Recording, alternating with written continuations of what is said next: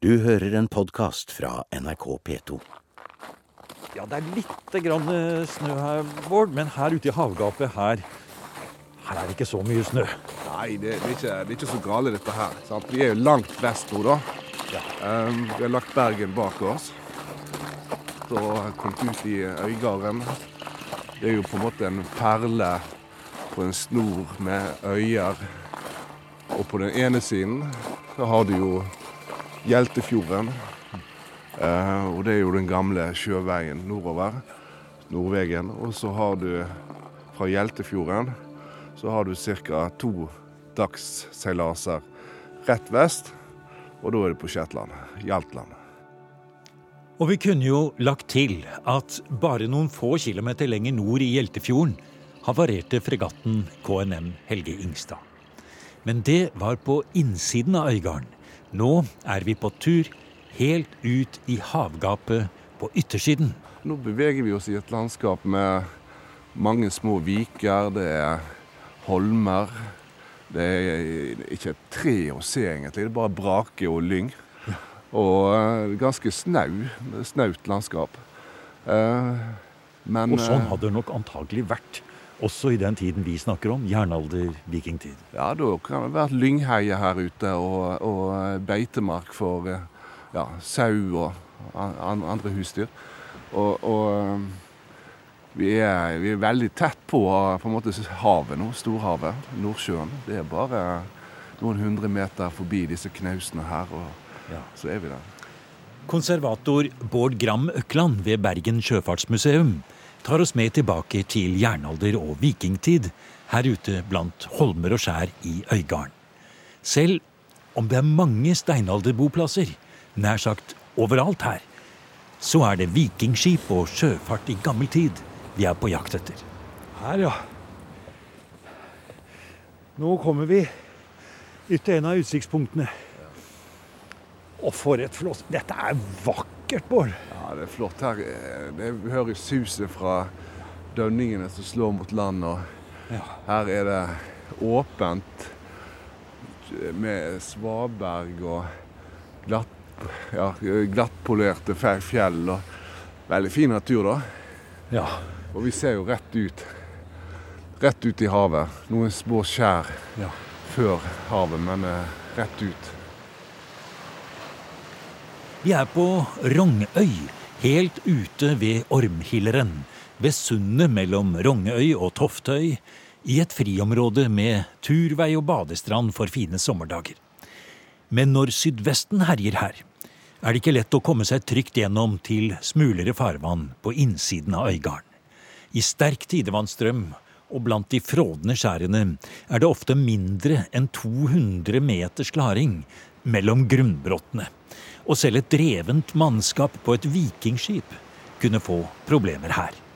Og du har tatt oss med hit, Bård, fordi det er et helt spesielt sted her som har med det det skal handle om i dag, nemlig alle de mange funnene av deler av vikingskip, jernalderskip, som det er rundt omkring som vi nesten har glemt. Nei, og det, det er jo fascinerende at eh, vi har At det, det finnes så mange spor etter skip fra jernalder, vikingtid.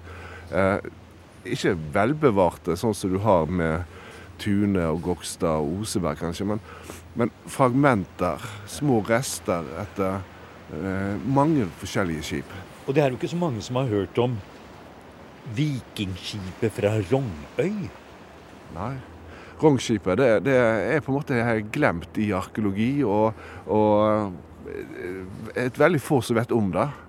Eh, Og her vi står nå, på et eh, berg med utsikt over både havet, men eh, knausene og dalene rundt der, så er det jo at vi ser ned nå på det som heter Hessdalen. Um, den strekker seg, en liten dal, den strekker seg ned mot eh, sjøen og havet. Det er en liten myr der, og så reiser det seg opp en sånn liten kolle som en sånn hesthammer, den er ja. sagt. Og det er ikke så høyt, og det er ikke så stort, men det er veldig tydelig. Ja, og den, den kollen som ligger på ene siden av dalen, den heter jo eh, Hesthaugen. Ja.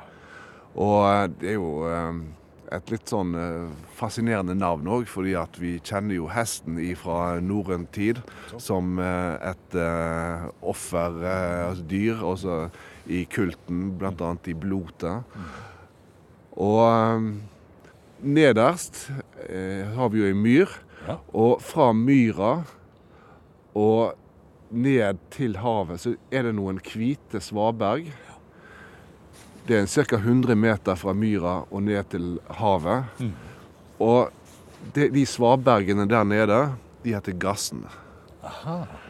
Og eh, jeg er nå ikke jeg ekspert på stedsnavn, men eh, de eh, navnene har blitt tolket som eh, eh, Altså Gassen som eh, en, for, for, Vi kjenner det fra folketroen og folkeeventyrene. At Gassen var en eh, type ondsinnede vetter som eh, kunne skape ja, problemer for folk. Og vetter fantes det jo i sjøen, og det fantes på land, og det fantes overalt i naturen, skulle jeg si. Så, så det kan godt hende at det er noe At eh, det har noe med at dette området kanskje er farlig, eller at her skal man være forsiktig. Det være, Men det er noe spesielt med området, og det, og det er navnesettingen. Det er, og vi har beskrevet det som litt sånn magisk og spennende å gå i. Og det er for å få frem at slik har det kanskje også vært for mennesker som har levd her før. For det er en grunn til at vi står og beskriver myra bak oss her. Her nede i myra som vi ser på, der eh, var det graving i eh, 1941, var det. Og da fant de eh, en veldig godt bevart mastefisk. Og en mastefisk, det er jo på en måte en forsterkning, en støtte for masten i et seilskip. Sånn at eh, den skal tåle det presset det er sant, på, på seilet og masten når det blåser på havet. Eh, og, så det er en veldig viktig del av et seilskip. Og det, dette funnet her, det gjorde de melding om De ga beskjed om det her inn til museet i Bergen. Men det var krig, så man kunne ikke det var, Man hadde iallfall ikke anledning til å reise ut her før etter krigen var slutt. Og da, i eh, 1945, så dro Bernhard Færøyvik eh, med en assistent ut her. Og han ville se mer på stedet der mastefisken ble funnet. Han begynte å grave i myra. Han åpnet en liten utgravningsfelt. Det var, det var ikke stort, det var lite. Han fant litt mer. Det var eh, et par årefragmenter og noen små fragmenter av eik og furu som hadde vært brukt i båten. Eh, men det var vanskelig å si nøyaktig hva det hadde vært for noe. Og det ble ikke gravd mer. Eh, Færøyvik han eh, publiserte en liten artikkel om funnet i 1947 i årboken til museet. Og da Der har han sammenlignet mastefisken med tilsvarende mastefisk i Tuneskipet, og funnet ut at de er veldig like. Og han daterer funnet ut fra det til ca. rundt 900, midt i vikingtiden. Så dette er altså funnstedet for ett av de nær sagt glemte vikingskipene som er registrert, og som vi vet om. Og som det er mange flere av også. Men hvordan har det skipet kommet dit? Var det, for her har det vel ikke vært noe gravhaug? Og det var heller ikke funnet, ettersom jeg skjønner, brannrester. Så hvilke teorier er det her når vi ser på landskapet her? Hvordan har det skipet havnet der, da? Nei, det, det er på en måte tre teorier. Det ene er at her har vi med å gjøre et, med et eh, vrak, eh, vrakrester fra et vikingskip, som er blitt blåst av stormen på land over svabergene og opp den Og det kan jo passe veldig godt akkurat her, da. Ja, det, det, det er veldig åpent, og det, det, er, det er absolutt en mulighet. Eh, men, men det er jo én teori. En annen teori er jo at eh, det er et depot. Eh, altså at noen har lagt disse ned med vilje for å bruke det kanskje senere. At, I forbindelse med båtbygging. Eh, jeg er litt skeptisk til akkurat det. Eh, og en grunn til det er den tredje forklaringen, og det var det Bernhard Færøyvik sjøl som satte fram. Han mente å se at disse båtdelene, først og fremst mastefisken, var ødelagt med vilje. Altså det var, Man hadde rett og slett ødelagt deler av den. Og det, Altså ikke pga. på grunn av forlis eller at det har blitt slengt mot land, men med si, redskap. ja, med redskap.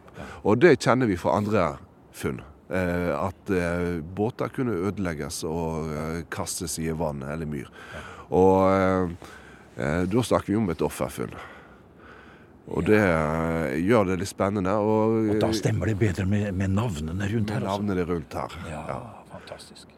Og um, For et, for et flott sted vi er på her, Bård. Ja. Altså et, jeg vil nesten si nå glemt funnsted for noe som en gang har vært et eh, vikingskip. For denne massefisken er jo stor, så det har vært et stort skip. Ja, det har vært et stort skip. Uh, han uh, Færøyvik han eh, prøvde å på en måte komme med et forslag til størrelse. og Han snakker om en uh, ja, sånn knapt 20 meters, litt, litt under det. da, 18 meter kanskje, der omkring. Stort skip med et mannskap på kanskje rundt en 16 stykker. Så, så et, eh, han uh, tolker det som at det her er et krigsskip, at det, det er et uh, høvdingskip. Um, som, som kanskje høvdingens personlige skip, på en måte. Fantastisk.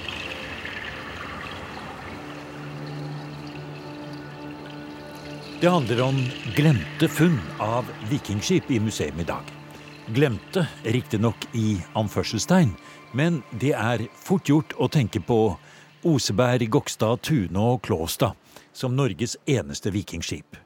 Rundt omkring langs hele kysten, fra Oslofjorden til Kvaløy i Troms, er det funnet deler av vikingskip. I myrer og gravhauger. Noen ganger bare som brannrester, andre ganger med store skipsdeler som mastefisken fra Rognøy eller kjølen fra Kvalsund. Listen er både lang og litt komplisert, for det er ikke alltid helt sikker datering. Men det er mange skips- og båtfunn som med sikkerhet kan plasseres i vikingtid, fra 700-tallet og fram til 900-tallet.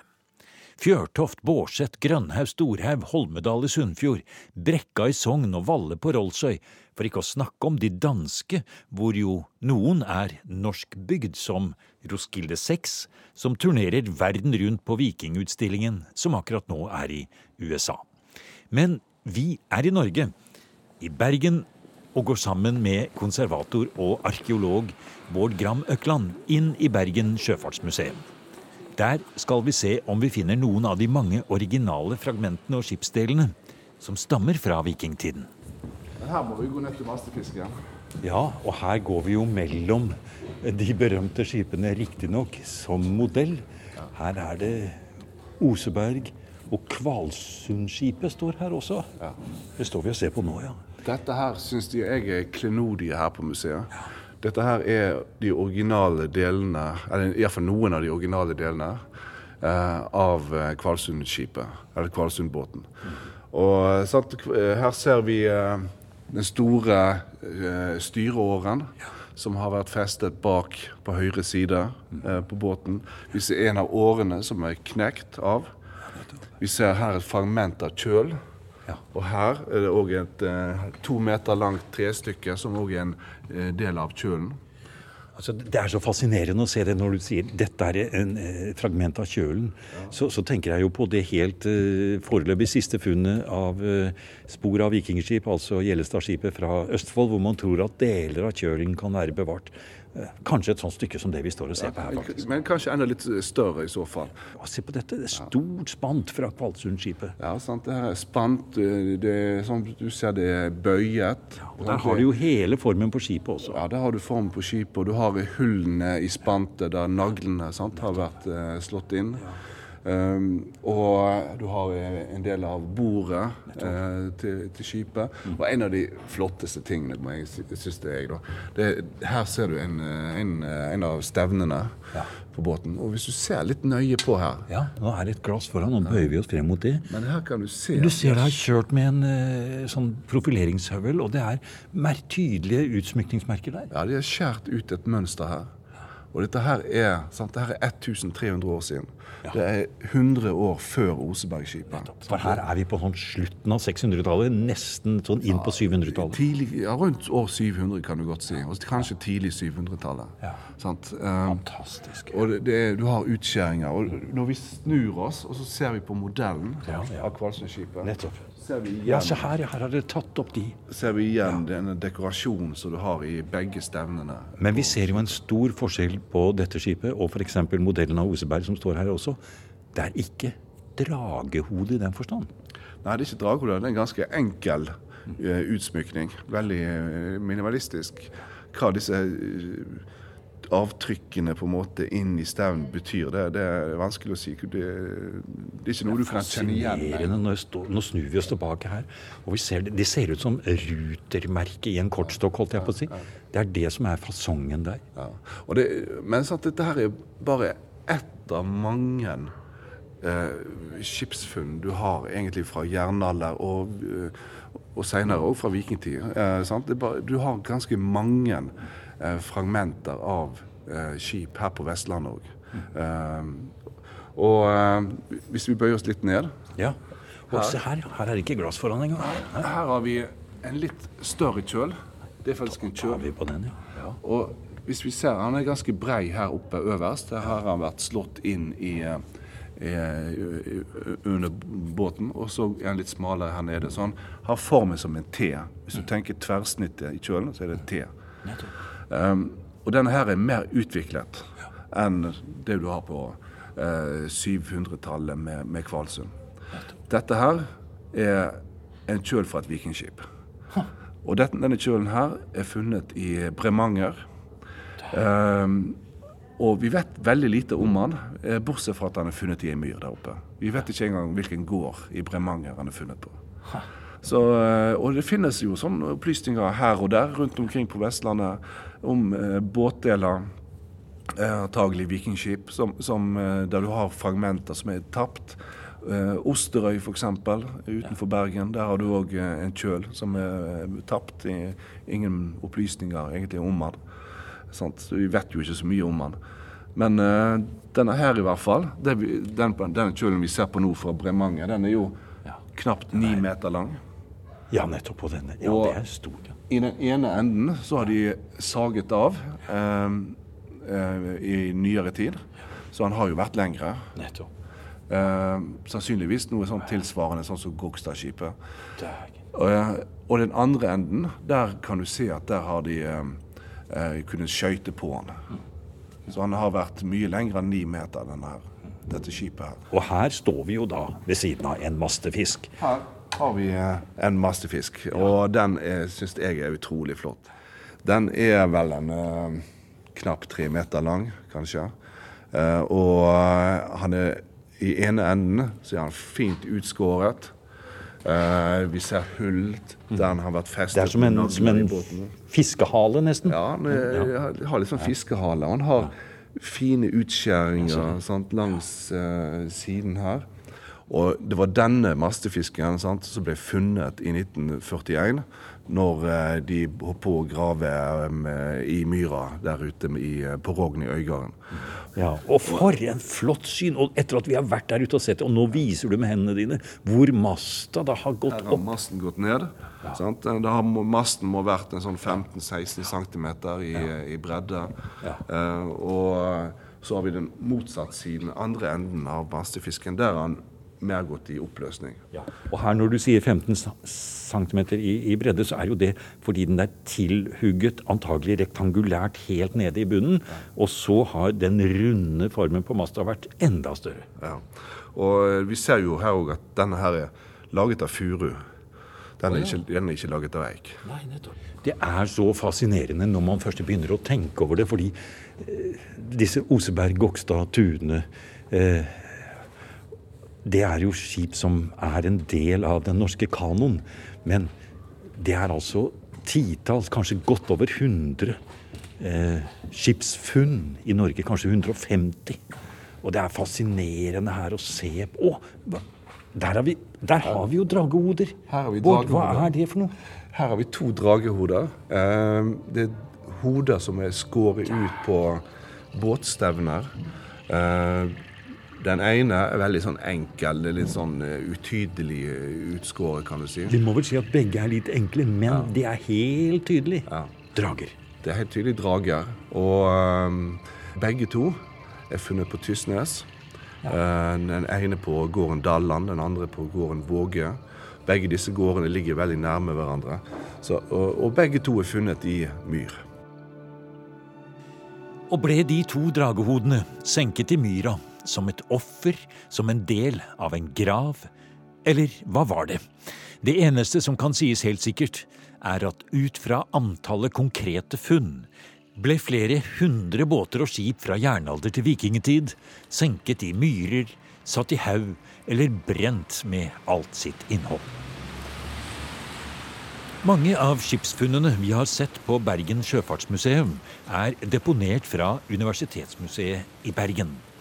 Og nå går vi tvers over gaten og opp trappene til et rom i Universitetsmuseet, hvor instituttleder Asbjørn Engevik har hentet fram noen helt spesielle gjenstander fra magasinet. Vi har bl.a. funnet fram noen eh, fantastiske båtnagler. Og det er en stor eske? Ja, det er en stor eske. og hvis man kjenner vekten på den her Hele esken, ja. Hele esken. Nå tar jeg hånden min rundt. Oh, det er såpass, ja. Og vi har to-tre hyller fullt av det her. Så dette er mange, mange kilo. Ja. Men det er altså alt vi har igjen av det kjente Myklebostfunnet fra Nordfjordeid. Og Myklebustskipet det er antagelig det aller største vikingskipet vi kjenner til i Norge. Større enn både Oseberg og Gokstad. Kanskje var det kong Audbjørn av Fjordane som ble satt i haug i sitt store skip og brent før haugen ble lagt over. I brannrestene ble det funnet 44 skjoldbuler, og ut fra askelaget tror man at skipet må ha vært minst 25 meter langt. Men ikke alt ble ødelagt. Det ene er jo denne her kjente Myklebostmannen som eh, ja. vi har liggende her i midten. Den er ikke så veldig stor. Han er vel en 6-7 cm lang, kanskje. Men det er et fantastisk emaljearbeid. Og dette er jo sånn irsk eh, import, eller hva man skal si, plyndrings... plyndringsrester. Eh, altså det er jo dette som antagelig noen har vært og henta med seg fra Irland i en eller annen sammenheng, som har hengt i et kloster eller i en kirke og som da endte opp i Myklebostgraven i Nordfjordeid. Ja, så det har ikke vært på den kjelen du nevnte? altså? Jo da, jo. det har vært ja. Eh, en del av den kjelen. Det var tre sånne ja. figurer, og den ene har vi liggende foran her. da. Minner den litt om den såkalte buddha-bøtten som er i Oseberg, eller er det noe som helst sammenheng? Jeg vet ikke om du kan påvise noen direkte sammenheng, men, eh, men, det kan jo minne litt. Kanskje samme forestillingsverden. Mm. For den er jo så utrolig morsom. Altså Hadde man ikke visst, som du sier, at det har en keltisk bakgrunn, og det ser man kanskje på ornamentikken, farvene i emaljearbeidet, på en stor firkant som begynner rett under skjegget på denne figuren. Og nå løfter du den litt opp med hanskene som du har tatt på deg, og vi får se det litt bedre. Ja, å, til der kommer ansiktet frem. Det er nesten en ørliten sånn Odin-dragning over det. Ja, det er, det er veldig fascinerende. Og dette kunstuttrykket som vi hadde i den perioden, er jo veldig mangfoldig. Og du ser jo bare på utskjæringene på disse båtene og på stevnene og sånt at dette var folk som satte pris på det visuelle og kunstuttrykk. Og når vi er i fantasiens verden og i Myklebuss, så må du gå videre opp i funnesken her. Ja. For det er noe der jeg ikke skjønner hva er. Jeg ser det er brent. Det er noen firkantede kuber. Ja. Det er brent, og det er litt rust på en av dem. Ja. Hva er det? Ja, Dette er noe jeg tok frem, for det er litt spennende. dette. Fordi at I dette gravfunnet fra, fra Myklebost så, så, har vi bl.a. tre terninger av bein. Er det terninger? Det er spillterninger som har fulgt med i, i skipsgraven. Og ved siden av her så har vi også henta ut seks spillebrikker som også Nei, lå sammen. De er runde. De ser nesten ut som litt store sånne eh, musketkuler. Ja, ja, de ligner litt. Du ser her. Hvis du oh, ser fra undersida, en liten rund. Ja, en liten rund. Fordi at de skal stå på et brett. Og så er det, en, ja, og så er det et hull i dem, så det kan være en sånn mm. pegg som går nedi. Så de kan uh, spille med det ja. mens uh, skipet seiler. Så ikke det skal, ja. skal rutsje av brettet. Slingreduk. Ja, ja, nettopp. Ja. nei, men det som er spennende, da, det er jo faktisk det at dette med spillebrikker og spillebrett og sånt, det er faktisk noe som går igjen i de største skipsgravene vi har i landet. Så eh, man kan jo, og mange har spekulert på hvorfor finner man akkurat spillebrikker og terninger i disse skipsfunnene. Det er jo funnet bl.a. både i Gokstadskipet og i et skip fra Rogaland, fra Storhaug. Der er det også funnet spillebrikker. Ja. Og Myklebost. Ja. Så uh, i alle fall tre av de syv kjente, altså større skipsfunnene, har uh, hatt uh, spillebrikker og terninger. Ja. Så med andre ord, det du sier, er at Myklebustskipet var utstyrt på samme måte som et skip var som skulle seile i de levendes verden. Mm. Man tok med de tingene man alltid hadde med på reiser, da tydeligvis. Eller? Ja, altså Nå er jo som sagt Myklebost en eh, branngrav, men vi vet jo uh, fra de uh, si, restene vi har, og ut ifra de rapportene som er skrevet, at bl.a. så er det funnet rester av hest. Og Det er også noe som går igjen i flere andre skipsfunn i, i, Norge. Og dette med reise og regenerering og dette med å forflytte seg fra de levende til de dødes verden, det er jo noe som har vært knytta opp til disse skips- og båtbegravelsene. Og eh, man har jo bl.a. fundert på Det har vært skrevet lange artikler og avhandlinger om dette her. Om det er det en gravlegging i en båt, eller er det båt i en grav? Altså, Var båten i disse båtbegravelsene var det en gravgave, eller var det båten som var liksom jeg håper å si, graven hvor man plasserte folk og bygde en haug over? Og hvilken tilknytning eller hvilke forklaringsmodeller skal man da bruke for å forklare hvorfor man akkurat gravla sine døde i båt? Her slutter den utgaven av museum som ble sendt på P2. Men i en podkast er vi ikke bundet av at et program må ha en bestemt lengde. Så nå bare fortsetter vi litt til med dette spennende temaet om båten og skipet som symbol, skipsbegravelser og ritualer i jernalder og vikingtid. Bård Gram Økland filosoferer litt over alt skipet og båten betyr og kan brukes til, både i livet og ikke minst i en begravelse. Enten man setter skipet helt inn i haugen, brenner det med den døde i, eller dreper skipet og fester det til en myr. Det å ødelegge en båt, mm. det kjenner vi fra andre steder på Vestlandet. Ja. F.eks. med Kvalsund.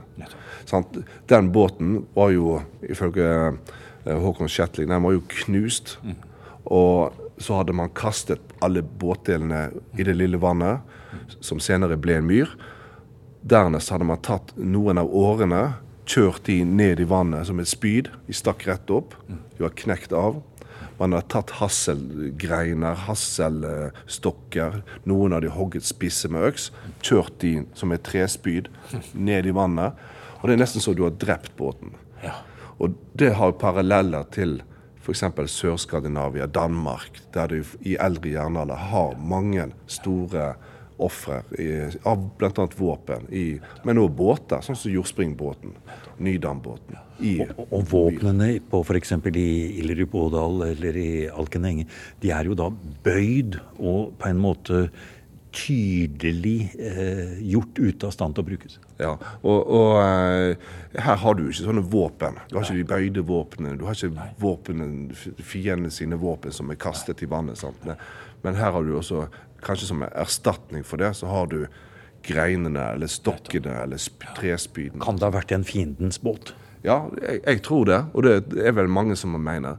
Og um, det, er, det, ligger jo litt sånn i vår menneskelige syke eh, at vi overfører menneskelige egenskaper til ikke-menneskelige ting.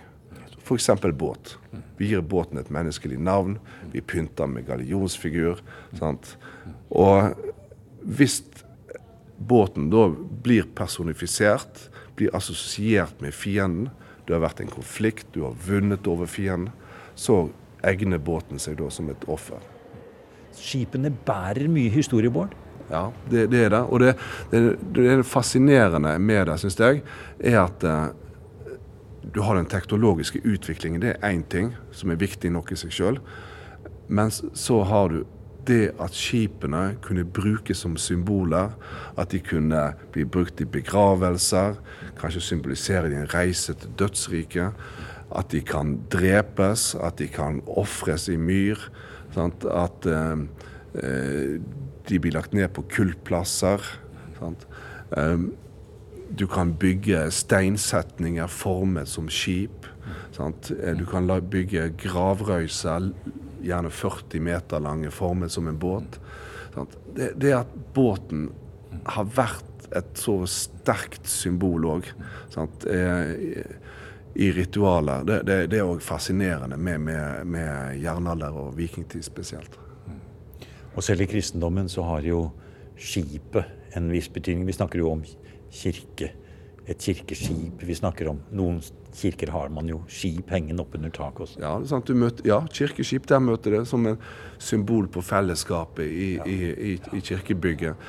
Men så har du òg fra senere, du har fra middelalderen, du har Bergen sitt uh, byvåpen f.eks. Ja. Der det er risset inn på baksiden et uh, havgående, åpent uh, seilskip. Og På veggen bak oss så er det en stor representasjon fra en av en berømt helleristning, med et skip, da selvfølgelig. Eh, så det var jo bronsealderens utsmykning av, av, deres kultsteder. Da. Var skipet der også? Om det var himmelskipet, eller det var et ordentlig skip, eller var det en religiøs betydning? Vel, det går det an å diskutere frem og tilbake, men det er et skip. Det er et skip, og vi har jo i Skandinavia så har vi jo 75 000 avbildninger av skip. Enten på helleristninger eller og på mange mange bronsegjenstander som er enten formet som et skip. Det kan være en rakkniv fra bronsealderen. Og, og, du kan ha du har også mange eksempler, flere eksempler på det ser du f.eks. på Nasjonalmuseet i København, at mange gjenstander har inngravert, risset inn skip på, på, på gjenstand, f.eks. på sverd. Ehm, så det er ingen tvil om at gjennom forhistorien, fra, i hvert fall fra bronsealder, og du fikk internasjonal handel på kryss og tvers av Europa, og eh, hierarkiske samfunn, sant? og opp gjennom jernalderen og fram til og med middelalder og byutvikling, og så har skipet vært et symbol.